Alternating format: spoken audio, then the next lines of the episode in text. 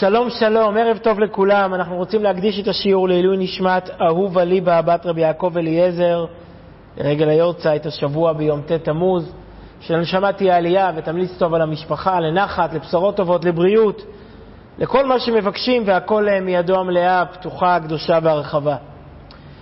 קשה למצוא נושא יותר מעניין, יותר חשוב, יותר מעודד ומרומם את הרוח, ובעיקר יותר מאתגר מבחינה הגיונית ומבחינה לוגית מאשר הנושא שנעסוק בו היום.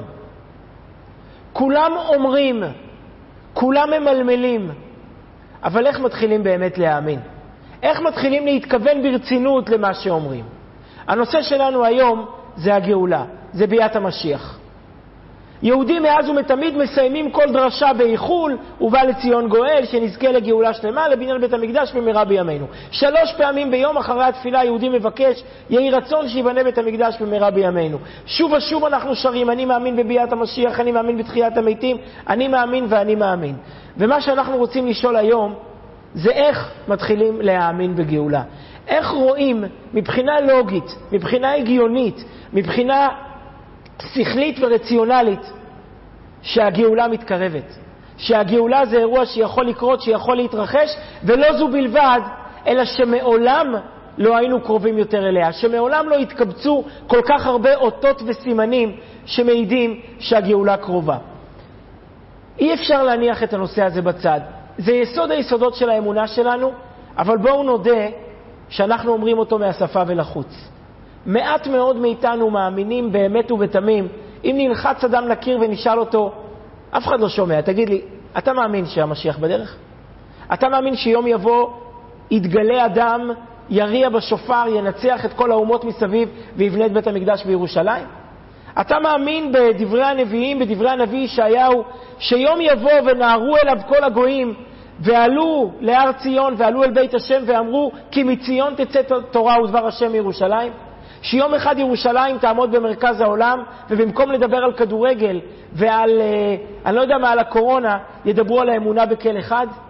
אנחנו ממלמלים את זה כל הזמן, ומה שאנחנו רוצים לעשות היום זה להתמלא בתקווה ולהתמלא אופטימיות למרות החדשות שניחתות עלינו בדיוק ברגעים האלה, שהאמת היא שהעולם כל הזמן יגאל והעולם כל הזמן מתקדם, ולמרות כל הרעש וכל הכפירה וכל הספקות, האמת היא שאם נסתכל על הדברים בפרספקטיבה רחבה, העולם כל הזמן מתקדם, מתקדם אל האמת, מתקרב אל האמונה הנכונה, אל הטוב ואל השלם ואל היפה, ולא זו בלבד שהעולם כל הזמן מתקדם, אלא לא הייתה תקופה שבה התקבצו כל הסימנים, כל האותות, והבשילו לכדי אפשרות שהגאולה קרובה מאי פעם, ואנחנו בעזרת השם נהיה הדור שיזכה לראות את זה בעיניים.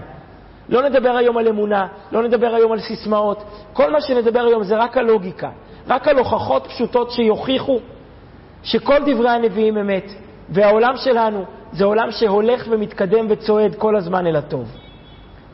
אנחנו מדברים על זה היום, דיברנו על זה גם בפרשת בלק בשנה שעברה, אבל לא הייתי מרוצה מהתוצאה, וחלפה עוד שנה לצערנו שהמשיח לא הגיע, אז היה זמן אה, לחשוב על הדברים יותר, ולאבד אותם יותר במוח ולראות אותם יותר מול העיניים. אנחנו עוסקים בזה היום בעקבות האדם שראה יותר מכולם. בעקבות האדם שבעין אחת ראה יותר ממה שכולנו רואים בשתי עיניים.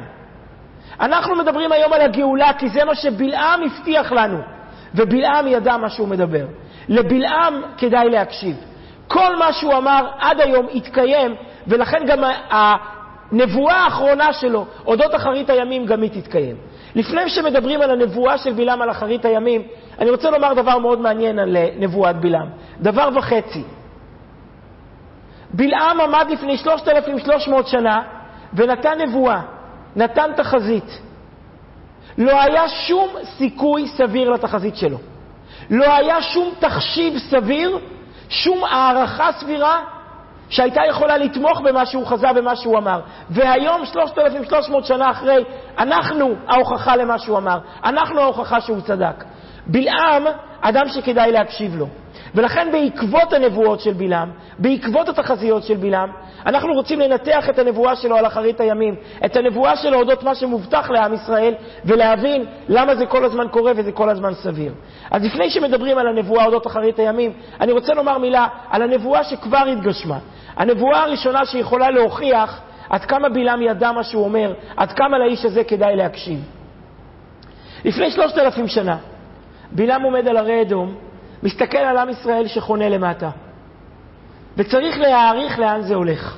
צריך לתת אנליזה, לתת את החזית, מה העתיד של העם הזה. עכשיו, אם היו מבקשים מאיתנו את התחזית הזאת, סביר להניח מה היינו כותבים. עם של נוודים. לא כבשנו אפילו גרגר אדמה. לא היה לנו לא צבא ולא ממשלה ולא שלטון, לא שום דבר. היינו עם שמסתובב 40 שנה סביב עצמו במדבר, לא מתקדם לשום מקום. כמו שאמרתי, לא כבשנו עדיין אפילו גרגר אדמה אחד. אם היו מבקשים מאיתנו אה, לכתוב תחזית אודות העם הזה, מה הסיכויים שלו? סביר להניח שהיינו אומרים, הוא יהיה כמו כל הנוודים שהולכים במדבר. באיזה שלב הם יתפוגגו, הם ייעלמו, הם יישכחו, הם יתפזרו בין האומות, יטמעו בין האומות וייעלמו.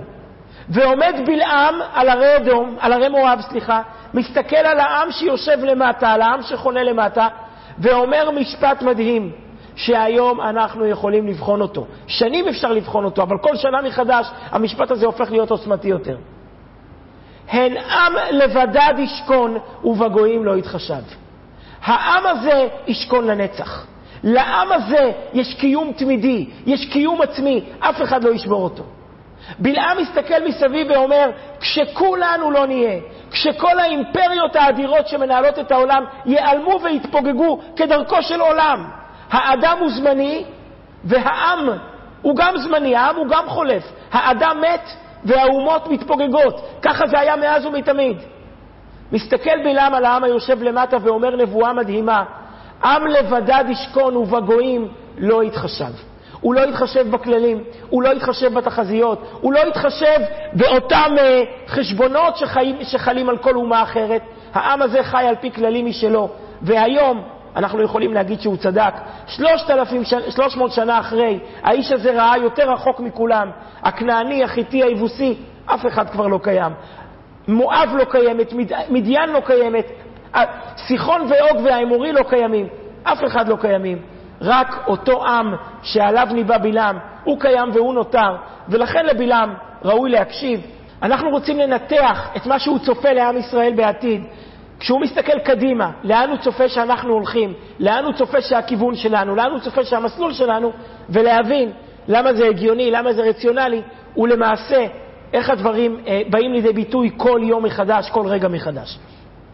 בואו נקרא את הנבואה הראשונה של בלעם, שכמו שאמרנו, היא כבר מתקיימת, 3,300 שנה היא מתקיימת. וישא משלו ויאמר, הוא עומד על הרי מואב, מסתכל על עם ישראל למטה, מן ארם ינחני בלק מלך מואב מהררי קדם, לך ערה לי יעקב ולך זוהמה ישראל. הזמינו אותי מרחוק לבוא ולקלל את עם ישראל, לזעום ולכעוס על עם ישראל. מה אקוב לו כבוקל ומה אזום לו זעם השם. איך אני יכול לקלל כשהקדוש ברוך הוא לא תומך בי? איך אני יכול לכעוס כשהקדוש ברוך הוא לא כועס עליהם? כי מראש צורים אראנו ומגבעות אשורנו. אני רואה את השורשים, אני רואה את העבר שלו, ואני רואה גם את ההווה ואת העתיד שלו. הן עם לבדד ישכון ובגויים לא יתחשב.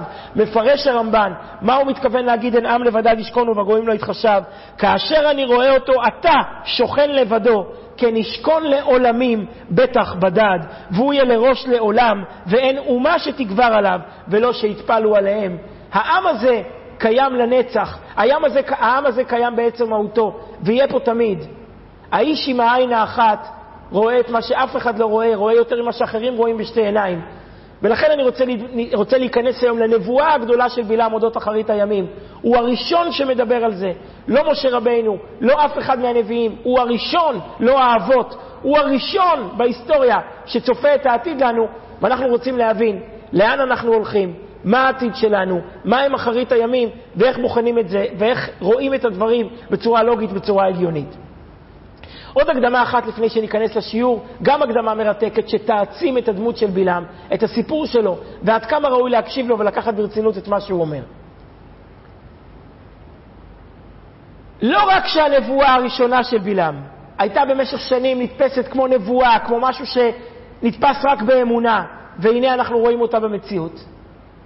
האמת היא שעצם הסיפור של בלעם, עצם הקיום של בלעם, עצם הנוכחות וההוויה של אותו אדם היסטורי, גם היא הייתה במשך שנים אמונה, אמונה שהאמנו בה, שלא הייתה לנו שום דרך להוכיח אותה, והנה בדורות האחרונים, בחמישים-שישים שנה האחרונות, זה הפך למציאות. גם הקיום של בלעם זה סיפור שלא הייתה לנו שום דרך להוכיח אותו. שמענו אותו ממשה רבנו, האמנו לו והעברנו את זה מדור לדור, קראנו את זה בתורה והעברנו את זה מדור לדור.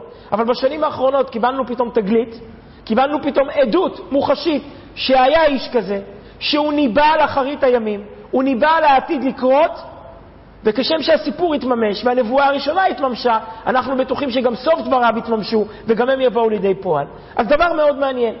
הגמרא אומרת משפט יפה, בבא בתרא י"ד-ב, מובאה מספר 2, אומרת הגמרא, משה כתב ספרו ופרשת בלעם. משה רבנו כתב שני ספרים בתורה. ספר דברים, ספרו, ספר משנה תורה, אלה הדברים אשר דיבר משה. משה כותב אותם מדעתו.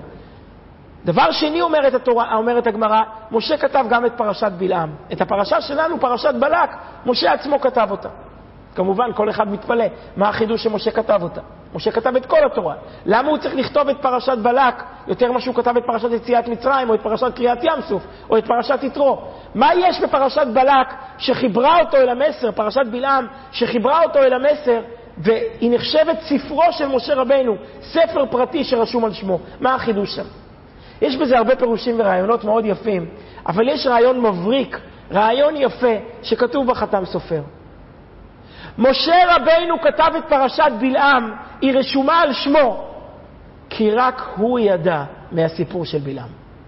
אין שום עדים ושום הוכחה לאמיתיות של הסיפור הזה, להתרחשות של הסיפור הזה, לולי משה רבינו ששמע את זה מהקדוש ברוך הוא.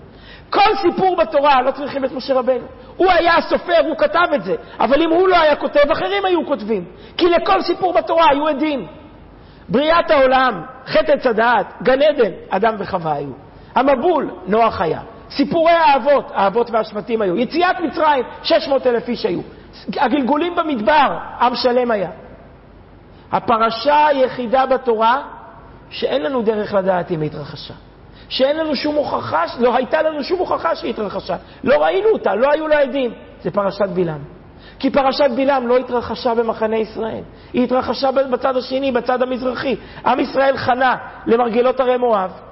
בלעם ובלק עולים על ההרים שמה, משם צופים עלינו ומנסים לקלל אותנו, בפועל מברכים אותנו. לא ידענו שזה קרה, זה קרה מעל הראש שלנו. היחיד שידע זה משה רבינו מפי הגבורה.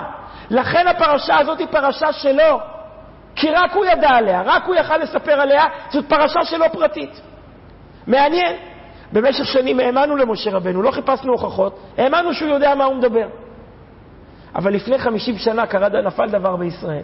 אחרי מלחמת ששת הימים, צוות של חוקרים הולנדי הסתובב בבקעת הירדן, מצא מקדש ארמי עתיק עם כתובת טיח בת יותר משלושת אלפים שנה.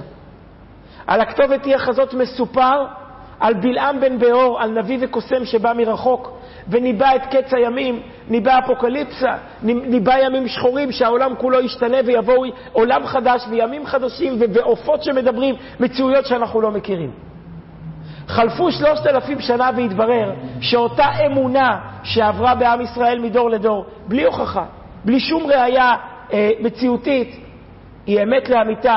הנה, אנחנו יודעים את זה מהם, הם הגויים מספרים מהצד שלהם על הנבואה של בלעם, על הנוכחות של בלעם, ובעיקר על אותה נבואה מופלאה אודות אחרית הימים, אודות האפוקליפסה, אודות קץ כל הימים שיבואו. כמובן, אצלם זה אפוקליפסה, אצלנו זה הימים הכי יפים, הימים שאנחנו ממתינים להם. אבל אני רק מסכם את הפתיחה של השיעור שלנו. בלעם הוא אדם שראוי להקשיב לו. הנבואה הראשונה המדהימה שלו, התחזית המופרכת שלו, שלא לו, לא היה לה כל ביסוס במציאות, כל יסוד במציאות. עם לבדד ישכון, התקיים, כולם נעלמו ואנחנו נמצאים.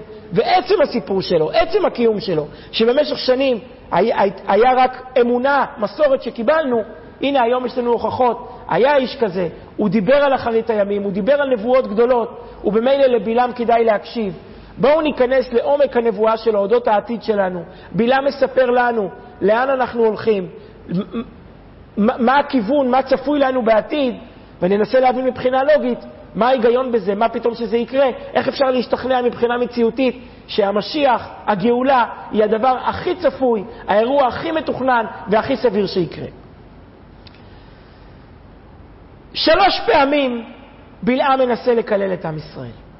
בלק מבוהל, אנחנו כולנו מכירים את הסיפור, עם ישראל מתקדם לכיוון ארץ ישראל, מנצח את סיחון ואוג, את שני המלכים החזקים, שכולם היו משלמים להם מיסים כדי שהם ישמרו, כדי שהם יגנו על האזור. סיחון ואוג נופלים, השומרים של האזור, החומות של האזור נופלים, ונשאר אחרון בלק מלך מואב, מלך קטן וחלש. עם ישראל לא התכוון לפגוע בו, מואב הוא בן דוד שלנו, צווינו אל תצר את מואב, אל תפגע בו, לא התכוונו לפגוע בו, אבל בלק פחד. פחד שעם ישראל יעבור דרך ארצו, וכן יפגע בו. נו, בחרב הוא לא יכול לפגוע בנו, אז הוא מנסה בנשק אחר בלתי קונבנציונלי, בפה. הוא מסיר את המסכה ומנסה לפגוע בנו בפה. הוא מזמין עבודה מנביא מדייני בשם בלעם בן באור, אדם שהגמרא אומרת שבמובנים מסוימים הראייה שלו עלתה על הראייה של משה רבנו. התורה אומרת בסוף פרשת דברים, לא קם נביא בישראל כמשה. אומרים חז"ל בישראל לא קם, אבל באומות העולם כן קם. אצל הגויים היה נביא אחד שהשתווה למשה רבנו, והגמרא אומרת שבמובנים מסוימים הוא אפילו עלה על משה רבנו. הוא היה זוכה להתגלות מתי שרוצה, הוא ידע מראש מתי הקדוש ברוך הוא יתגלה אליו, בעוד שמשה לא ידע. שלושה הבדלים מביאה הגמרא, שלוש יתרונות, שלוש מעלות בראייה של בלעם, אפילו על הראייה של משה רבנו. נו, הוא מגיע, כולם מכירים את הסיפור, מנסה מפה, מנסה משם, שלוש פעמים הוא לא מצליח לקלל. הוא מתרשם, להפך, הוא מתמלא הערכה מהסדר, מהצניעות. מה טוב הוא עליך יעקב משכנותיך ישראל, איך כל שבט שוכן לשבטיו, כל משפחה חיה לעצמה, לא מציצה אצל השכנים, לא חיה בתוך השכנים, חיה לעצמה, מטפחת את עצמה. הוא כל כך מתפעל מהסדר, הוא זוכר מאיפה הוא בא, מאיזה לכלוך הוא בא, מאיזה זוהמה הוא בא. מת, מתפעל מהמוסר, מתפעל מהצניעות, מתפעל מהשורשים של עם ישראל, כי מראש צורים יראנו ומגבעות אשורנו. מה אקוב לו כבוקל, מה אזום לו זעם השם. הוא לא מקלל, הוא רק מברך בברכות גדולות. שלוש פעמים הוא מנסה, עד שבלק מתייאש, סופק את כפיו ואומר, בשביל מה קראתי לך? תברח מפה לפני שאני מרביץ לך, רק הזקת לי, רק גרמת לי נזק. ואז מגיעה הנבואה הרביעית, שהיא הנושא שלנו. את הנבואה הזאת לא בלק יזם, בלק כבר רצה לזרוק אותו מפה. בלעם מעצמו מתחיל. בלעם עוצם את העיניים ואומר משפט סתום ביותר, הוא אומר, בוא אני אתן לך עצה. אתה רוצה עצה איך לפגוע בהם? בוא אני אתן לך עצה. אבל במקום עצה, הוא נותן נבואה שהיא עוד יותר מדהימה מכל הנבואות שנאמרו עד אז. לא זו בלבד, אפילו משה רבינו לא נתן נבואה כל כך טובה. הנבואה הכי מדהימה, הכי מפורטת, שנאמרת בתורה בקשר לעתיד של עם ישראל, זאת הנבואה הרביעית, ההתגלות הרביעית והאחרונה של בלעם. מובא מספר שלוש, ועתה הנני הולך לעמי. אתה צודק, פישלתי, אני חוזר חזרה, לא מגיע לי לא כבוד ולא כסף, לא סיפקתי את הסחורה. אבל בכל זאת, אומר בלעם, אני אתן לך עצה. לך יעצך אשר יעשה העם הזה, יעשה העם הזה לעמך באחרית הימים. אני אתן לך עצה, ומה היא? אני אספר לך מה יקרה באחרית הימים. הוא תובע מושג חדש שלו, הוזכר עוד בתורה. יבואו עוד ימים אחרים, סוף המציאות, קץ המציאות. בוא אספר לך מה, מה יקרה אז. ומה יקרה אז? אראנו ולא אתה, אשורנו ולא קרוב. זה לא עכשיו, ויותר מזה זה אפילו לא קרוב. זה יקרה עוד הרבה זמן, זה יהיה רק באחרית הימים. אבל עם ישראל יתפשט מסביב. עם ישראל יכבוש את כל האומות, יקום אדם, דרך כוכב מיעקב וקם שבט מישראל, ומחץ פאתי מואב וקרקר כל בני שת. הוא ימחץ אותך את מואב, הוא ימחץ את כל האויבים מסביב. הגבולות של הארץ יתפשטו מסביב, והיה אדום ירשה, והיה ירשה שעיר אויביו. הוא לא רק ינצח מבחינה רוחנית, מבחינה פיזית, אלא ינצח מבחינה רוחנית. התודעה של עם ישראל תתפשט מסביב, האמונה של עם ישראל תתפשט מסביב, האידיאולוגיה של עם ישראל תתפשט בין האומות. והיה אדום ירשה, והייתה להשם המלוכה, והיה השם למלך על כל הארץ, ביום ההוא יהיה השם אחד ושמו אחד. הוא מבטיח, יקום אדם, יחזק את עם ישראל, יכבוש את הארצות מסביב, ולא רק יכבוש את הארצות מסביב מבחינה ביטחונית ומבחינה פיזית, אלא יגרום לאמונה של עם ישראל, לאידיאולוגיה של עם ישראל, להשפיע על כל האומות, עד ש"והיה השם למלך על כל הארץ", כמו שמבטיח הנביא ישעיהו, אז אהפוך אל עמים, הנביאים האחרים, אז אהפוך אל עמים שפה ברורה, לעובדו כולם שכם אחד. זאת הנבואה המפורטת ביותר בתורה, אודות אחרית הימים. הפעם הראשונה שקם אדם ומבטיח הכיוון של עם ישראל הוא חיובי. גם אם ההווה הוא בעייתי, גם אם ההווה הוא מלא מהמורות, העולם הולך למקום טוב, העולם הולך למקום חיובי, יש סדר, יש הנהגה. סוף סוף עם ישראל ינצח לא רק מהבחינה הפיזית, אלא גם מהבחינה הרוחנית. אבל מה הקשר בין הרי של הסיפא? הוא התחיל ואמר, פישלתי, אבל עכשיו תבוא העצה, עכשיו אתן לך את הפתרון. ומה הוא אומר? דע לך שהעם הזה באחרית הימים יכסח אותך. אז איפה העצה? שואל אברבנאל איך ייקרא עצה מה שיהיה באחרית הימים, כי העצה לא תבוקש על מה שיעשה הזולת, אלא ניקח עצה בדברים שהם בנו. אתה נותן לי עצה, תגיד לי מה אני צריך לעשות. מה אתה מדבר איתי על מה שהם יעשו לעתיד לבוא? אומר אברבנאל, כאן נמצאת הנקודה. בתוך הנבואה של בלעם מסתתרת עצה נוראה. בלעם אומר לבלק דבר כזה, תבין, העתיד של העם הזה הוא מופלא, אבל זה לא יקרה כל כך מהר. יש עוד דרך ארוכה עד לשם. הראינו ולא אתה, אשורנו ולא קרוב. זה לא אתה ולא קרוב, יש עוד דרך ארוכה. ולכן, תנצל את ההווה. בהווה עם ישראל חלש, אני אתן לך עצה. מהי העצה? העתיד שלהם טוב, אבל הדרך היא קשה, הדרך היא מלאת מהמורות ומלאת נפילות, ולכן הוא מציע לבלק, תנצל את הדרך, ועכשיו תכשיל אותם, עכשיו תעלה עליהם, וככה תסלק אותם ממך. מהי העצה? להווה, לדרך, זה אנחנו כבר יודעים מרש"י. אומר רש"י, הוא נתן לו עצה להביא את בנות מואב ובנות מדיין, להכשיל את עם ישראל בזנות, כי אלוקיהם של אלו שונא זימה. אם כן, מה שנוגע לענייננו, בלעם לא רק מדבר על הגלות, אינם לבדד ישכון ובגויים לא יתחשב, אלא נותן נבואה מופלאה. דע לך, הגלות היא זמנית, הגלות היא בדרך. עם ישראל צועד לייעוד מופלא, שהוא גם יכבוש את העמים מסביבו, הוא גם יהיה חזק, הוא גם יהיה בולט, אבל בעיקר הוא יהיה משפיע. התודעה שלו תתפשט על כל האומות. והיה אדום ירשה והיה ירשה שעיר אויביו, והיה להשם המלוכה על כל הארץ, כמו שאנחנו מבטיחים. מה זה אדום ירשה? נכבוש את עשיו. אבל מה מבטיח הנביא על, על כיבוש עשיו? והייתה להשם המלוכה, ועלו מושיעים בהר ציון לשפוט את שריציו, והייתה להשם המלוכה. זה יהיה הסמל של הניצחון הרוחני התודעתי, האידיאולוגי של עם ישראל על פני כל האומות, כולם יכירו בכל אחד. עוד מילה אחת על נבואת בלעם. הרמב"ם מפרט מאוד את הנבואה הזאת, ואומר שבלעם בעצם מנבא שתי תקופות טובות בעם ישראל. הוא אומר לעם ישראל יהיו שני שלבים טובים. השלב הראשון זה דוד המלך, זה החצי גאולה, ואחר כך הגאולה השלמה בזמן המלך המשיח, שאז הגאולה תהיה מושלמת. זה כל כך יפה מה שהרמב"ם אומר, כי אם נשים לב, כל נבואת בלעם מורכבת משני חלקים. כמה משפטים שכל אחד מורכב משני חלקים, למה? כי בלעם כל הזמן מדלג על שתי תקופות. דוד משיח, דוד משיח, חצי גאולה וגאולה, חצי גאולה וגאולה שלמה. נקרא את הרמב"ם.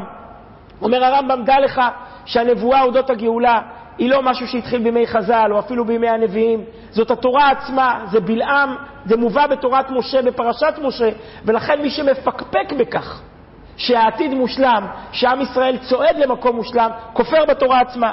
וכל מי שאינו מאמין בו, שאינו מחכה לביאתו, לא בשאר נביאים בלבד הוא כופר, אלא בתורה ובמשה רבנו. שהרי התורה מעידה עליו שנאמר, קודם כל משה רבנו אומר, בסוף ספר דברים, ושב השם אלוקיך את שבותך וריחמך ושב וקיבצך מכל העמים. גם משה רבנו מבטיח שסוף סוף תהיה גאולה ויהיה קיבוץ גלויות. אבל הרבה לפני משה, כבר בספר במדבר אומר בלעם, ולא רק שלפניו, אלא אומר את זה בצורה הרבה יותר מפורטת. מה? בלעם מדבר על שתי תקופות.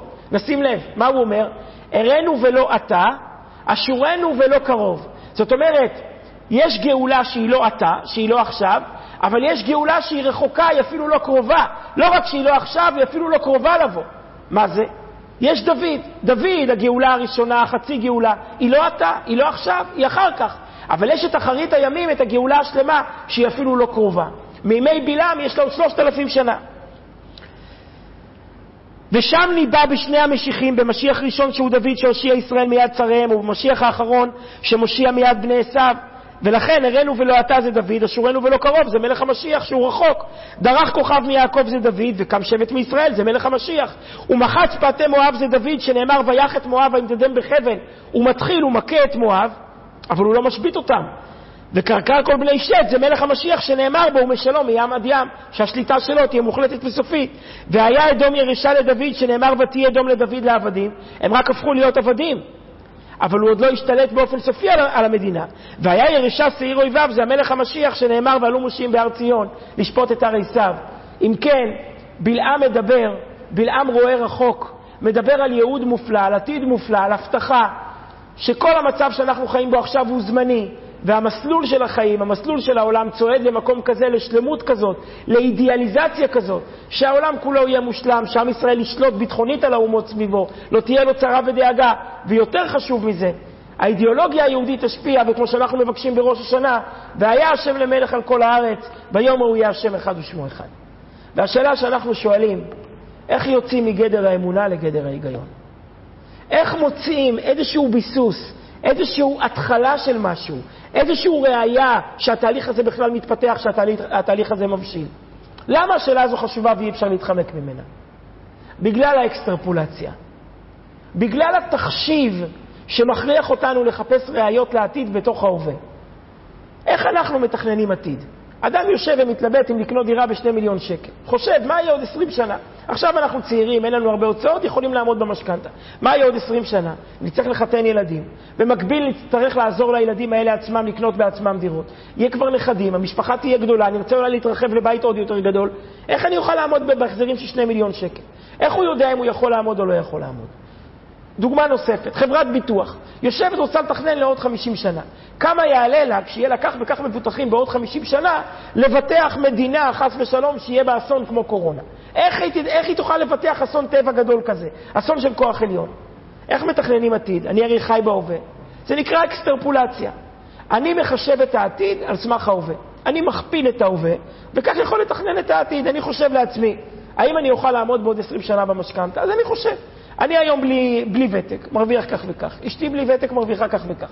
עוד 20 שנה, לי תהיה עבודה נוספת, יהיה לי כבר ותק, המשכורת תעלה, אשתי גם לה יהיה ותק, המשכורת שלה גם תעלה, אני אקח עוד עבודה מהצד, על סמך ההווה אני מכפיל את ההווה בכמה רמות, יכול ליצור איזשהו תחשיב לגבי העתיד. הקושי העיקרי שלנו כאנשים הגיוניים, להאמין באמת ובתמים, להשתכנע, לחיות בתודעה גאולתית, היא הפער בין ההווה לבין העתיד. איפה יש התחלה של המסר הזה שהעולם כולו יקשיב לנו? איפה אני רואה היום את העולם מקשיב לנו? איפה אני רואה בכלל את העולם מחפש את מה שאנחנו אומרים, מתעניין במה שאנחנו אומרים? להפך, העולם אויב אותנו.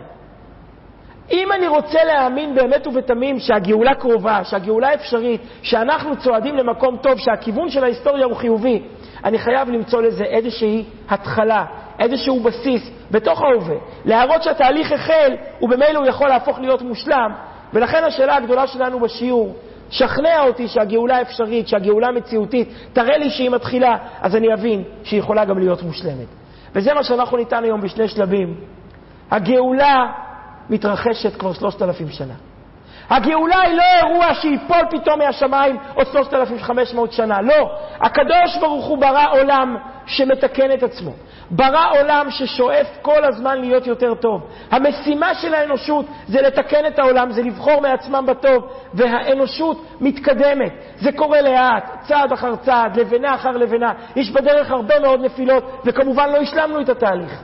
אבל אם נבחן ארבעת אלפים שנה של היסטוריה, אם נתרומם רגע מעל ההווה, נשים לב שהעולם כל הזמן צועד לגאולה. העולם של היום קרוב לחזון של התורה, ל"והיה השם למלך", לערכים של התורה, לעקרונות של עשרת הדיברות, פי כמה וכמה יותר ממה שהיה לפני ארבעת אלפים שנה. למרות שנראה לפעמים שאנחנו רק מידרדרים, זה רק כשמסתכלים על היום. אבל כשמרחיבים את הטווח, מרחיבים את הפרספקטיבה, רואים שהעולם שלנו הוא פי כמה וכמה יותר טוב ויותר נוח וחי יותר נכון מאשר לפני 4,000 ו-3,000 שנה. וכמו שהלכנו חצי מהדרך, נלך גם את החצי השני. ומה שנאמר אחר כך, שהאמת היא שזה לא חצי וחצי. אנחנו מאוד מאוד קרובים. הגאולה מעבר לפינה, מעולם לא היינו קרובים יותר. בואו נתחיל עם סיפורון מופלא, עוצמתי, עם כל כך הרבה מסר. ישנה משפחה מפורסמת, רבים מכירים אותה, משפחת יעקובסון, ג'ייקובסון בארצות הברית. אנחנו מכירים את הרב סימון יעקובסון, מכירים את הרב יוסף יצחק ג'ייקובסון, וואי וואי, שמדבר, שנואם, שמגיע הרבה פעמים לארץ, הרב סימון ג'ייקובסון, יש לו את הספר הדרך לחיים של משמעות, הדרך לחיים של משמעות, יש להם אח שלישי מאוד מוכשר. משפחה מוכשרת, משפחה שכותבת, שמדברת, שעושה דברים גדולים. היה להם אבא, גרשונבר יעקובסון, שהוא היה אדם מאוד מאוד מחובר, הוא היה עיתונאי, עיתונאי ותיק, היה כתב של ידיעות אחרונות בארצות הברית, ומעבר לכך, הוא בעצמו ניהל עיתון ביידיש בשם אלגמיינר ז'רונל, עיתון חשוב בארצות הברית שיוצא בשפה היידית, בשפה היידית, והיה לו הרבה סקופים והרבה חשיפות, הוא היה עיתונאי מאוד מאוד uh, משפיע. הרבי מלובביץ' היה זקוק לאנשים כאלה. כי עיתונאי אמריקאי עם תעודת עיתונאי שיכול לעבור את הגבול, בשביל הרבי זה נכס. כי אפשר לשלוח אותו לרוסיה, אפשר לשלוח אותו לברית המועצות.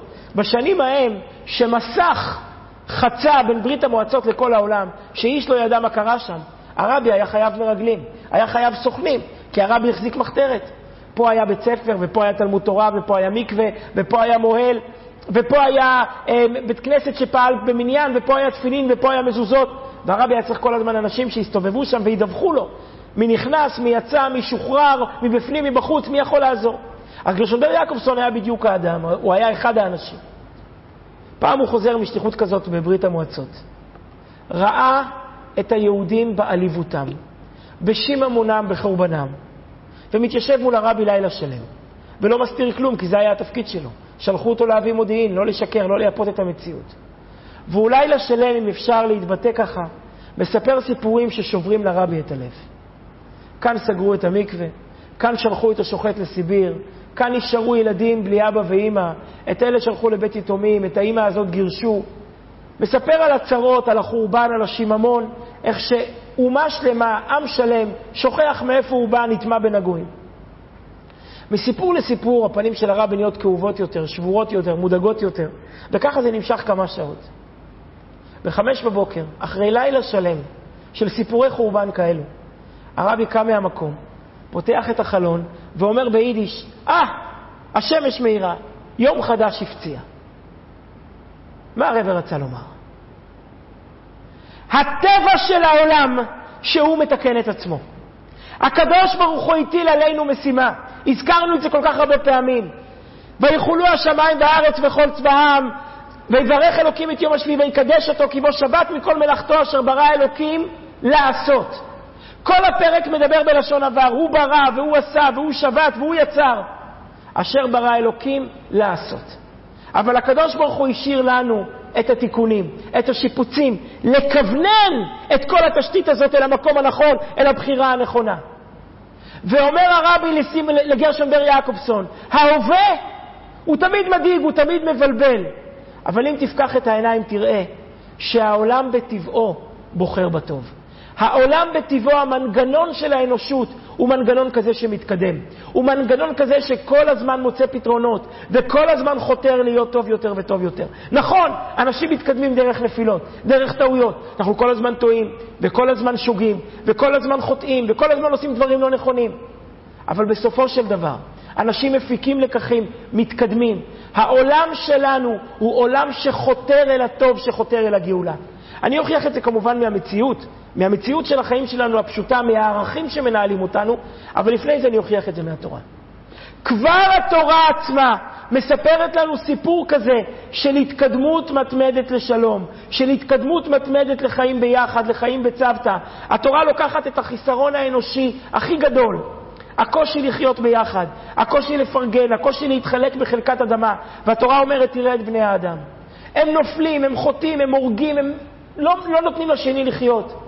אבל בדור הבא הם מפיקים לקחים, והם כבר מתחילים מנקודה אחת יותר גבוהה מאשר הדור הקודם.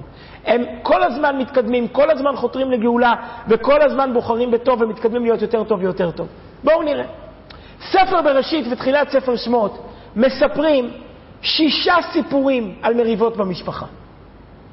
סכסוך במשפחה בשש מערכות בשישה מעגלים.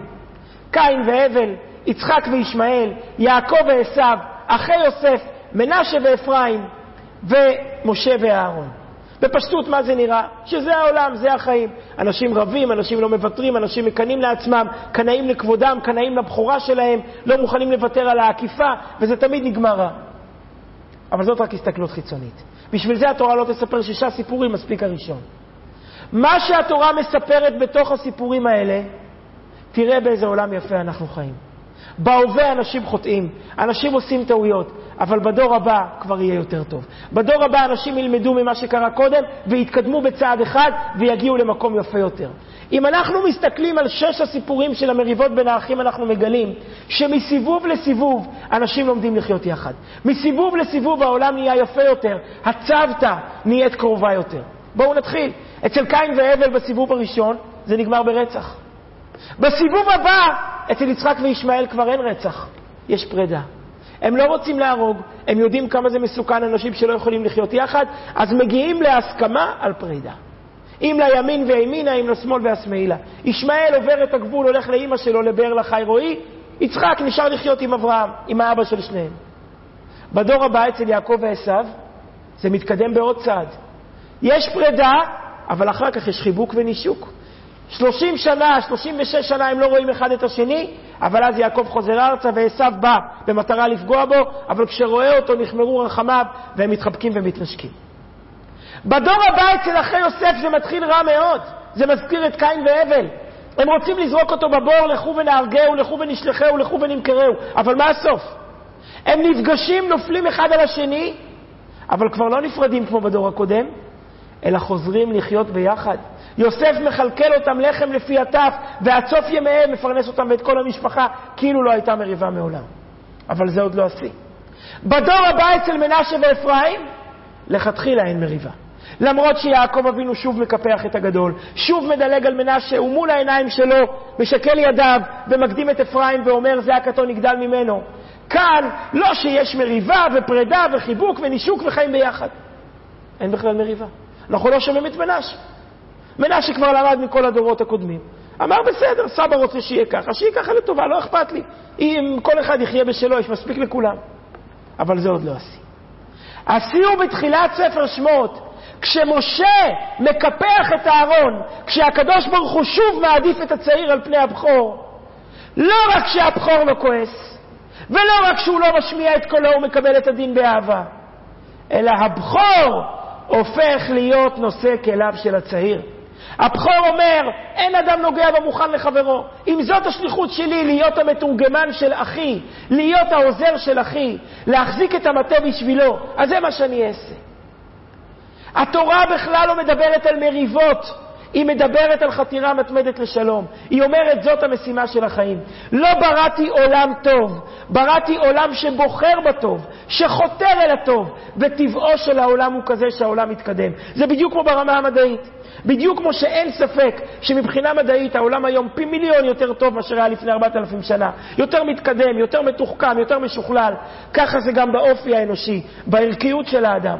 העולם הולך ומתקדם, האדם הולך ובוחר בטוב. ולכן אתה בא ושואל, מה פתאום שתבוא גאולה? תבוא גאולה כי זה טבעו של העולם. כי העולם כל הזמן רוצה להגיע לפסגה, רוצה להגיע אל הנכון. אז נכון שבדרך יש הרבה טעויות, אבל ככה אנחנו לומדים. מתוך הטעויות אנחנו משתקמים ומגיעים למקום יותר טוב. אני אביא לזה עוד דוגמה מהתורה לפני שנגיע לדוגמאות מהמציאות. יש כמה דרכים איך לחשב את היממה.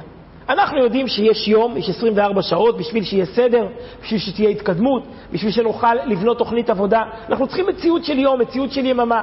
ראשון לחודש, שני לחודש, כ"ח, כ"ט וכולי. אבל מתי מתחילה היממה ומתי היא נגמרת? יש כמה שיטות. השיטה הכי הגיונית, אם היו שואלים אותנו מה הדרך הכי נכונה, מתי להתחיל את היממה, זה השיטה של הבבלים בעבר, מזריחה לזריחה. הבבלים היו מסיימים יום עבודה, הולכים לישון, זה עדיין המשך של היום הקודם, כי בשינה אני לא עושה כלום. אני מסיים את היום הקודם. קמים בבוקר בזריחה, עם זריחת השמש, יוצאים לעבוד בגינה, יוצאים לעבוד בשדה, לזרוע את האדמה, אז היה מתחיל יום חדש. כשאתה מתחיל ליום חדש, אז מתחיל יום חדש, מזריחה לזריחה. השיטה המקובלת כיום היא גם הגיונית, מחצות הלילה לחצות הלילה.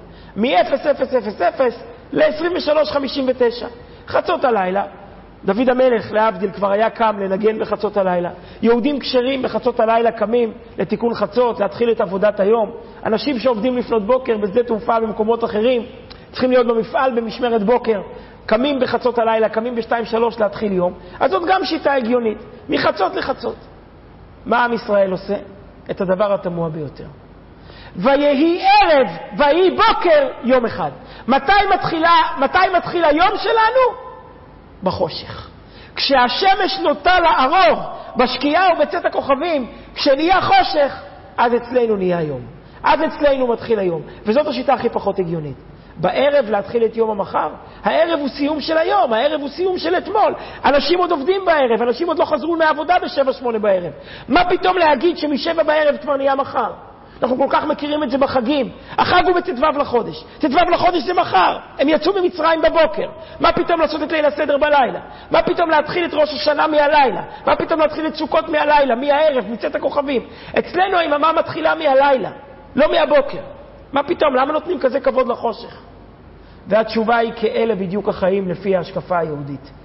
אנחנו מתחילים מהחושך, ותפקידנו גולל, אור, גולל חושך מפני אור, ומעביר לילה ומביא יום, להביא יום על פני החושך. המבנה של היממה הוא בדיוק כמו המבנה של החיים.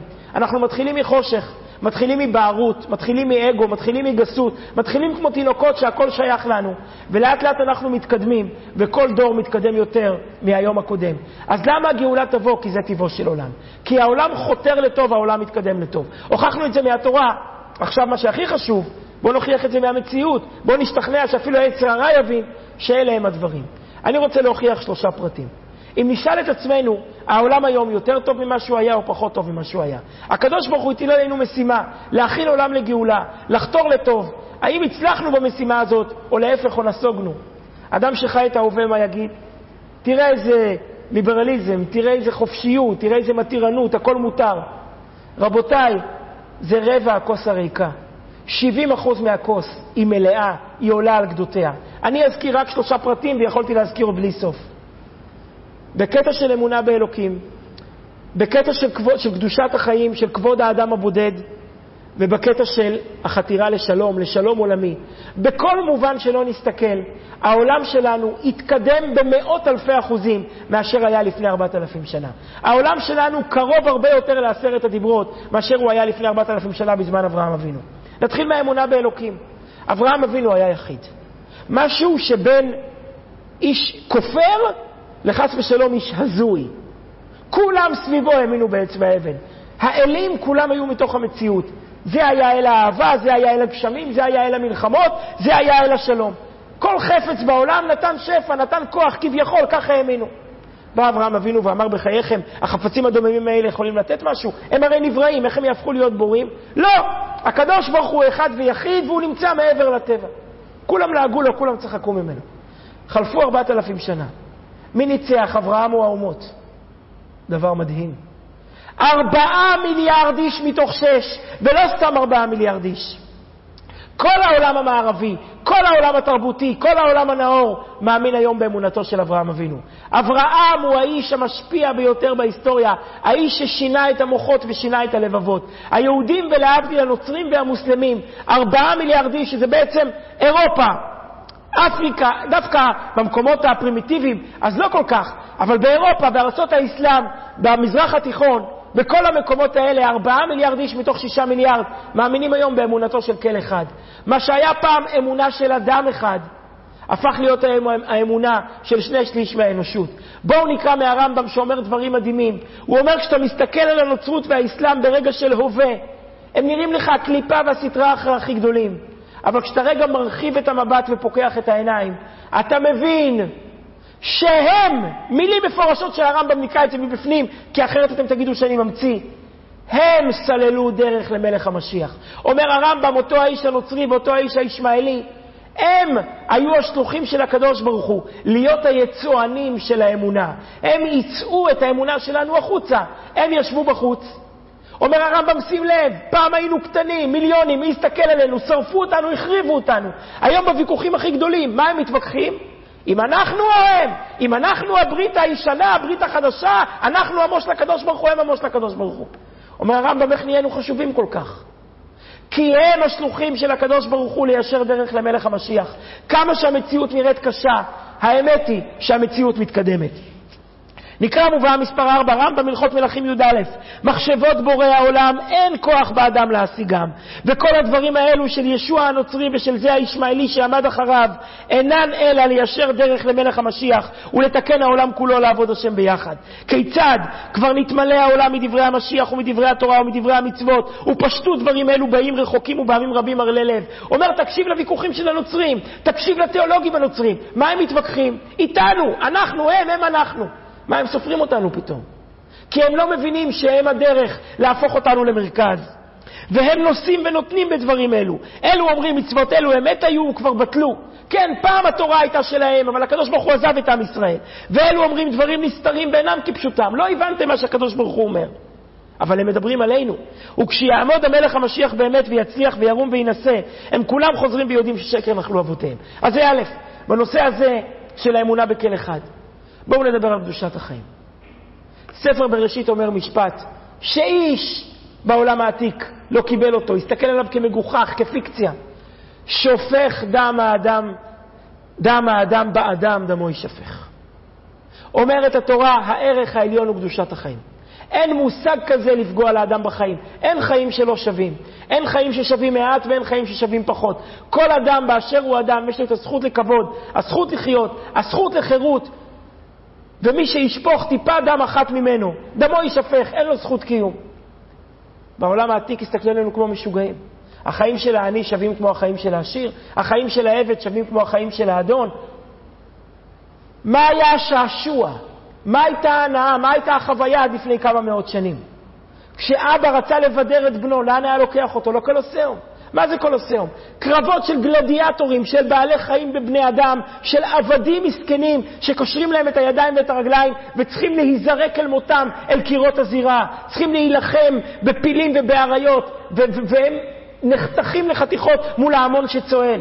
חיים של אדם לא היו שווים שום דבר, בטח לא אם הוא עבד. אבל התורה בפרשת משפטים אמרה שאם אדון פוגע בעבד כנעני, שהוא לכאורה היצור הנחות השפל ביותר, העבד משתחרר ויוצא לחירות. כי כל אדם באשר הוא אדם, יש לו כבוד ויש לו זכות לחיים, והחיים שלו הם קדושים יותר מכל דבר אחר. חלפו השנים. באיזה עולם אנחנו נמצאים היום? עולם הומני, עולם רך, שאפילו בחתול אסור לפגוע.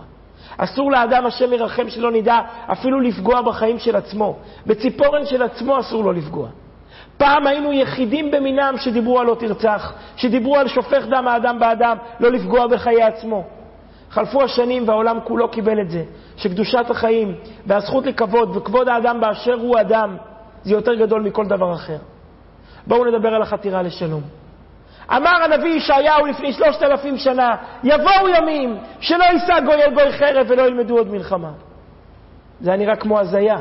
מלחמה זו הייתה המציאות הכי טבעית, לפני 70 שנה. כש, כשהיטלר רצה לצאת למלחמה אח שמו וזכרו, יצא, לא שאל אף אחד. כשסטלין רצה לה, להרוג 40 מיליון מבני עמו, הרג. לאימפריה היה כוח, אף אחד לא שאל את המלך, הוא לא היה צריך לדין בחשבון לאף אחד. נפוליאון כבש חצי עולם, מיליונים נהרגו. הוא שאל מישהו, היה צריך להתנצל בפני מישהו. להפך, הוא היה גיבור העמים, הוא היה שמש האנושות. אבל מה קורה היום? לא שהעולם מושלם, לא שבמזרח התיכון אין מלחמות, לא שהאסלאם התחיל לאהוב אותנו. אבל עדיין, מלחמה יצאה מחוץ למשחק. אם פעם רדפו אחרי נשק גרעיני, היום נשק גרעיני יצא מחוץ למשחק. אסד, שטובח בבני עמו, לא יכול לצאת היום מסוריה. אם יצא מהמדינה שלו, יובל לבית הדין הבינלאומי בהאג, וכנראה ייענש בגזר דין מוות. כמו מילושוויץ וכמו הרבה צוררים, צוררים אחרים, דיקטטורים אחרים. מה קרה? עד לפני כמה שנים למלך היה זכויות אינסופיות. לאימפריה היחיד בכלל לא תפס מקום. היחיד היה בטל בפני האימפריה. אבל חלפו השנים, וכל האמיתות האלה שעם ישראל דיבר עליהן, על אמונה באלוקים, על חתירה לשלום, תראו כמה הנשיא טראמפ נאבק היום, לא לצאת למלחמה, אפילו נגד מי שראויים לעונש, נגד איראן, נגד צפון קוריאה. השפה המלחמתית יצאה יצא מה, יצא מהלקסיקון. אדם שמושל שנאבק למלחמה, מסתכלים עליו כמו על משוגע, כמו על רודף, כמו על רודף מאבקים. לא יישא גוי אל גוי חרב ולא ילמדו עוד מלחמה. העולם שלנו לא צועד אחורה, הוא צועד קדימה. זה טבעו של עולם. זה קיים בתורה, זה קיים במציאות, ביום ובלילה, וזה קיים אפילו בחיי האומות. לכן אם בא בלעם ומבטיח, נכון יהיה הר בית השם בראש הערים. דרך כוכב מיעקב וקם שבט מישראל וקרקר כל בני שת. זה לא פנטזיה, זה לא מחוץ למציאות, זה לא משהו שהוא לא ייתכן. הוא בסך הכל מקדים את זמנו, אבל זה כל הזמן קורה. כל הזמן העולם מתקדם ומחפש את הטוב ומחפש את הדבר הנכון. כמובן, משיח עוד לא הגיע, זה לא שלם. החופש, המתירנות, ערכי המשפחה, יש דברים שאפילו במובנים מסוימים הם יותר גרועים מפעם. אבל חכם ראשי תיבות חצי כוס מלאה. זה שיש רבע כוס ריקה זאת לא שאלה, יש יצר הרע, ברור שיש רבע כוס ריקה. השאלה היא איך יש 70 אחוז כוס מלאה. העובדה שהעולם מתקדם כל כך הרבה מחזקת את האמונה שלנו, שאם הלכנו חצי מהדרך ושלושת רבעי מהדרך, גם הרבע האחרון יושלם, ואנחנו נתקדם לנקודה כזאת של והיה השם למלך על כל הארץ, ביום ההוא יהיה השם אחד ושמו אחד. עד כאן השלב הראשון. אבל אי אפשר להסתפק בזה. כי סוף סוף יבוא אדם ויאמר, תראה אדוני, זה לקח ארבעת אלפים שנה, אולי חס וחלילה צריך לקחת עוד ארבעת אלפים שנה. אני מאמין לבלעם. בסוף יהיה טוב, העולם מתקדם לטוב, הרוע הוא זמני, הטוב ינצח, אבל אולי זה ייקח עוד ארבעת אלפים שנה, חס וחלילה. אז אני רוצה לומר נקודה, נקודה מדהימה, ובזה נסיים את השיעור.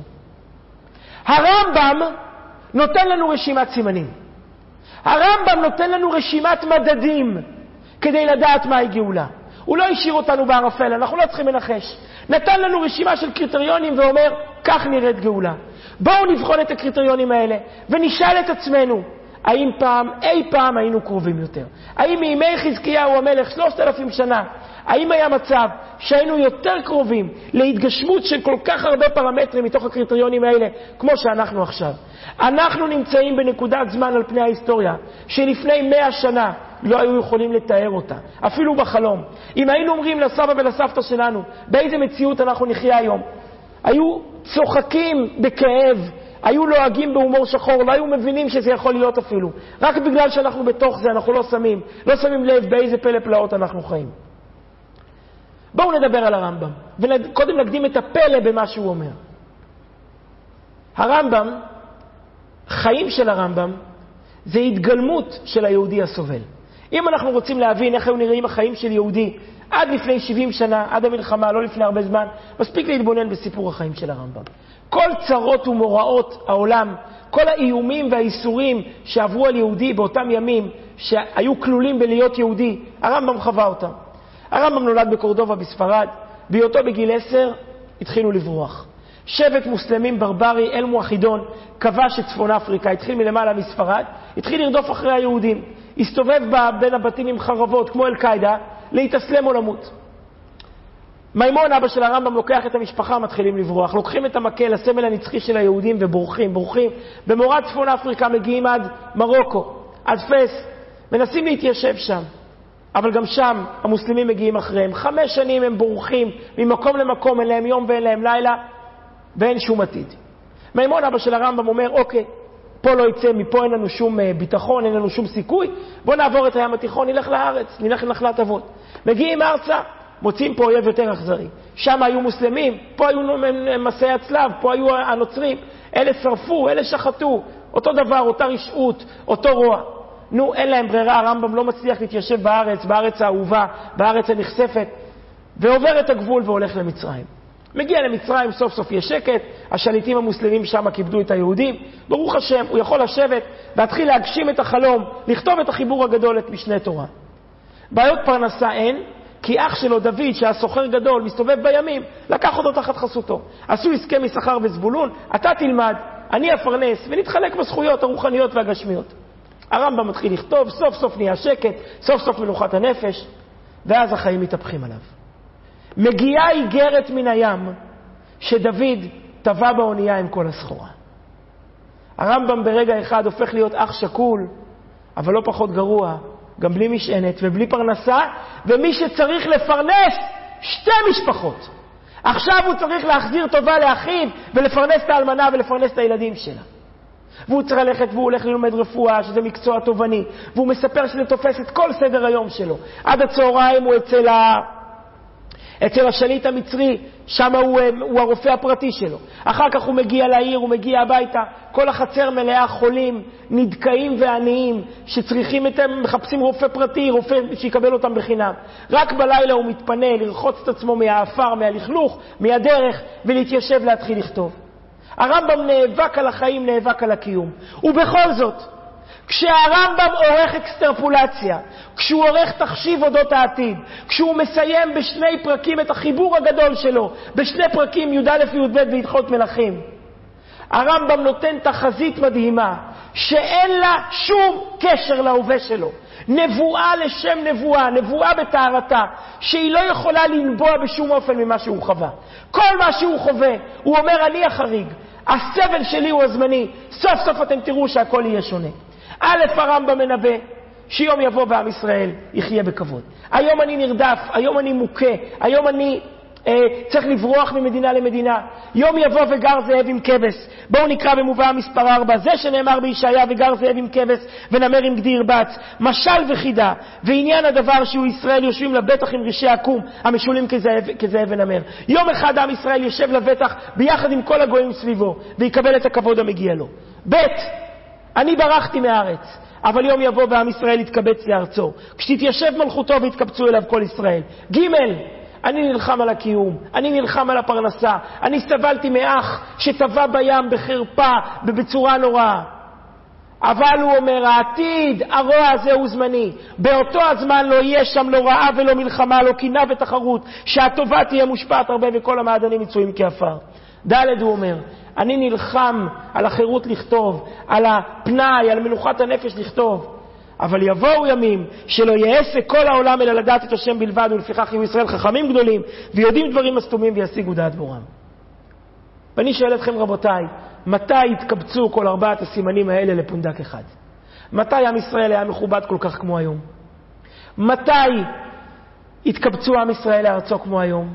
מתי היה שפע כזה של גשמיות כמו היום? ומתי הייתה אפשרות ללמוד, הדעה הייתה מצויה כמו היום, ואני אסביר. מתי נפל לי האסימון, ובגלל זה גם בשנה שעברה דיברתי על הפרשה הזו. חזרתי מארצות הברית, הייתי בכמה תחנות בחוץ לארץ, בכמה תחנות באמריקה. אני מגיע לקנדי לניו יורק בדרך ארצה, מחכה להמראה של המטוס. יש שם איזשהו עיתון מהארץ. אני כבר שבוע הייתי מנותק, לא ידעתי מה קורה. אני רואה על השער תמונה של מטוס אל על, עם לידו התמונה של זכריה באומל, השם ייקום דמו. אני קורא מה קורה ואני פשוט חוטף הלם. אחרי 37 שנים מביאים ארצה את המיטה של אותו חייל, את הארון של אותו חייל שבוי. אבל הדבר המדהים הוא לא זה שהביאו את החייל השבוי. לצערנו כבר הובאו לפה כמה ארונות וכמה חיילים שבויים. הדבר המדהים הוא מי עשה את זה. לא סיירת מטכ"ל שכבה שם על האדמה באותו מחנה פליטים סורי והוציאה את העצמות הקדושות שלו מהאדמה. חיילים חיילים רוסים, שעד לא מזמן היו סובייטים, שעד לא מזמן היו קומוניסטים, שקיבלו את הפקודות מהקרמלין, מאותו מטה נוראי במוסקבה. הם אלה שהביאו את המודיעין, הם אלה ששכבו על האדמה, הם אלו שהוציאו את העצמות הקדושות שלו מהקבר והביאו אותו לראש הממשלה בקרמלין, שיביא את החייל לקבר ישראל. אנחנו מבינים את המשמעות של האירוע הזה? לפני מאה שנים היו יכולים לתאר מעין זה במלחמת יום כיפור הסובייטים הטעינו סקאדים, הטעינו טילים במחנה של חיל האוויר בקייב כדי לירות על רמת דוד, כדי שחיל האוויר לא ינצח את המלחמה.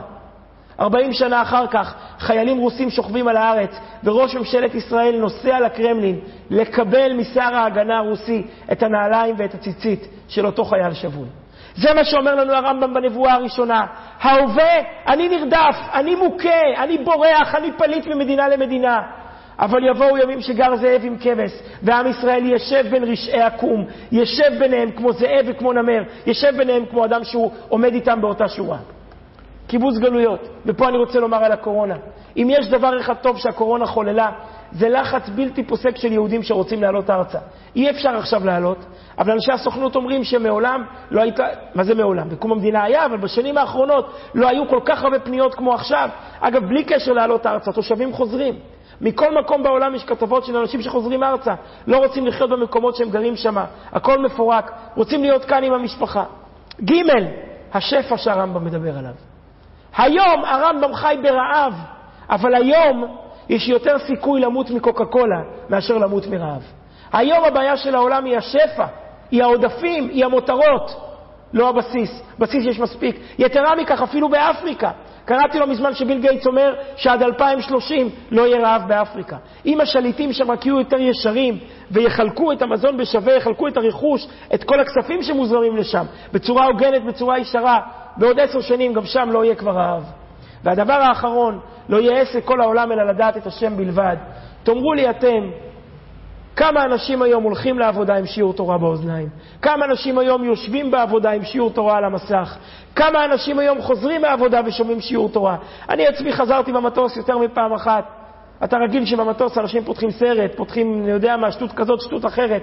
אתה מסתכל מסביב, אנשים עם אוזניות, מחוברים לאייפדים, שומעים שיעור, שומעים דף היומי, שומעים פרשת שבוע, שומעים חסידות, ובאותו הזמן לא יהיה עסק כל העולם אלא לדעת את השם בלבד. מעולם לא התקבצו כל כך הרבה אותות וכל כך הרבה סימנים שמבשילים לגאולה שלמה. אז אני מסכם, א', עצם התהליך של האנושות, עצם התהליך של הגאולה של העולם זה חתירה לטוב, זה חתירה לקראת התקדמות, זה חתירה לקראת לחפש את הנכון ואת הצודק. ובתוך התהליך הזה גופה שנמשך כבר ארבעת אלפים שנה, ה-60-70 שנה האחרונות הם תקופה מיוחדת במינה, שבה מתקבצים הרבה מאוד סימנים שאומרים, יש לזה סיכוי, יש לזה אפשרות, ועכשיו צריכים להתפלל. נכון, אנחנו בתוך רגעים לחוצים, בתוך רגעים שנראה שחס ושלום אנחנו נסוגים. אז זה בדיוק הזמן, להתפלל, שהתהליך שהחל, והתהליך שהתגבש, והתהליך שמתרקם מול העיניים, יגיע לידי שלמות. הקדוש ברוך הוא לא יסתפק בחצי עבודה, לא יצפה שאנחנו נסתפק בחצי עבודה. אנחנו מבקשים גאולה פשוטה, גאולה, גאולה שלמה. לעלות לירושלים, לעלות לבית המקדש, לעשות להקריב תמידים, תמידים כסדרם ומוספים כהלכתם, לקיים את מצוות השם כמו שהוא רוצה מאיתנו, את כל תרי"ג מצוות התורה. וששבעה עשרה בתמוז ותשעה באב המתקרבים, יהפכו ימים אלו לששון ולשמחה בגאולה השלמה בקרוב ממש וכפשוטו ממש.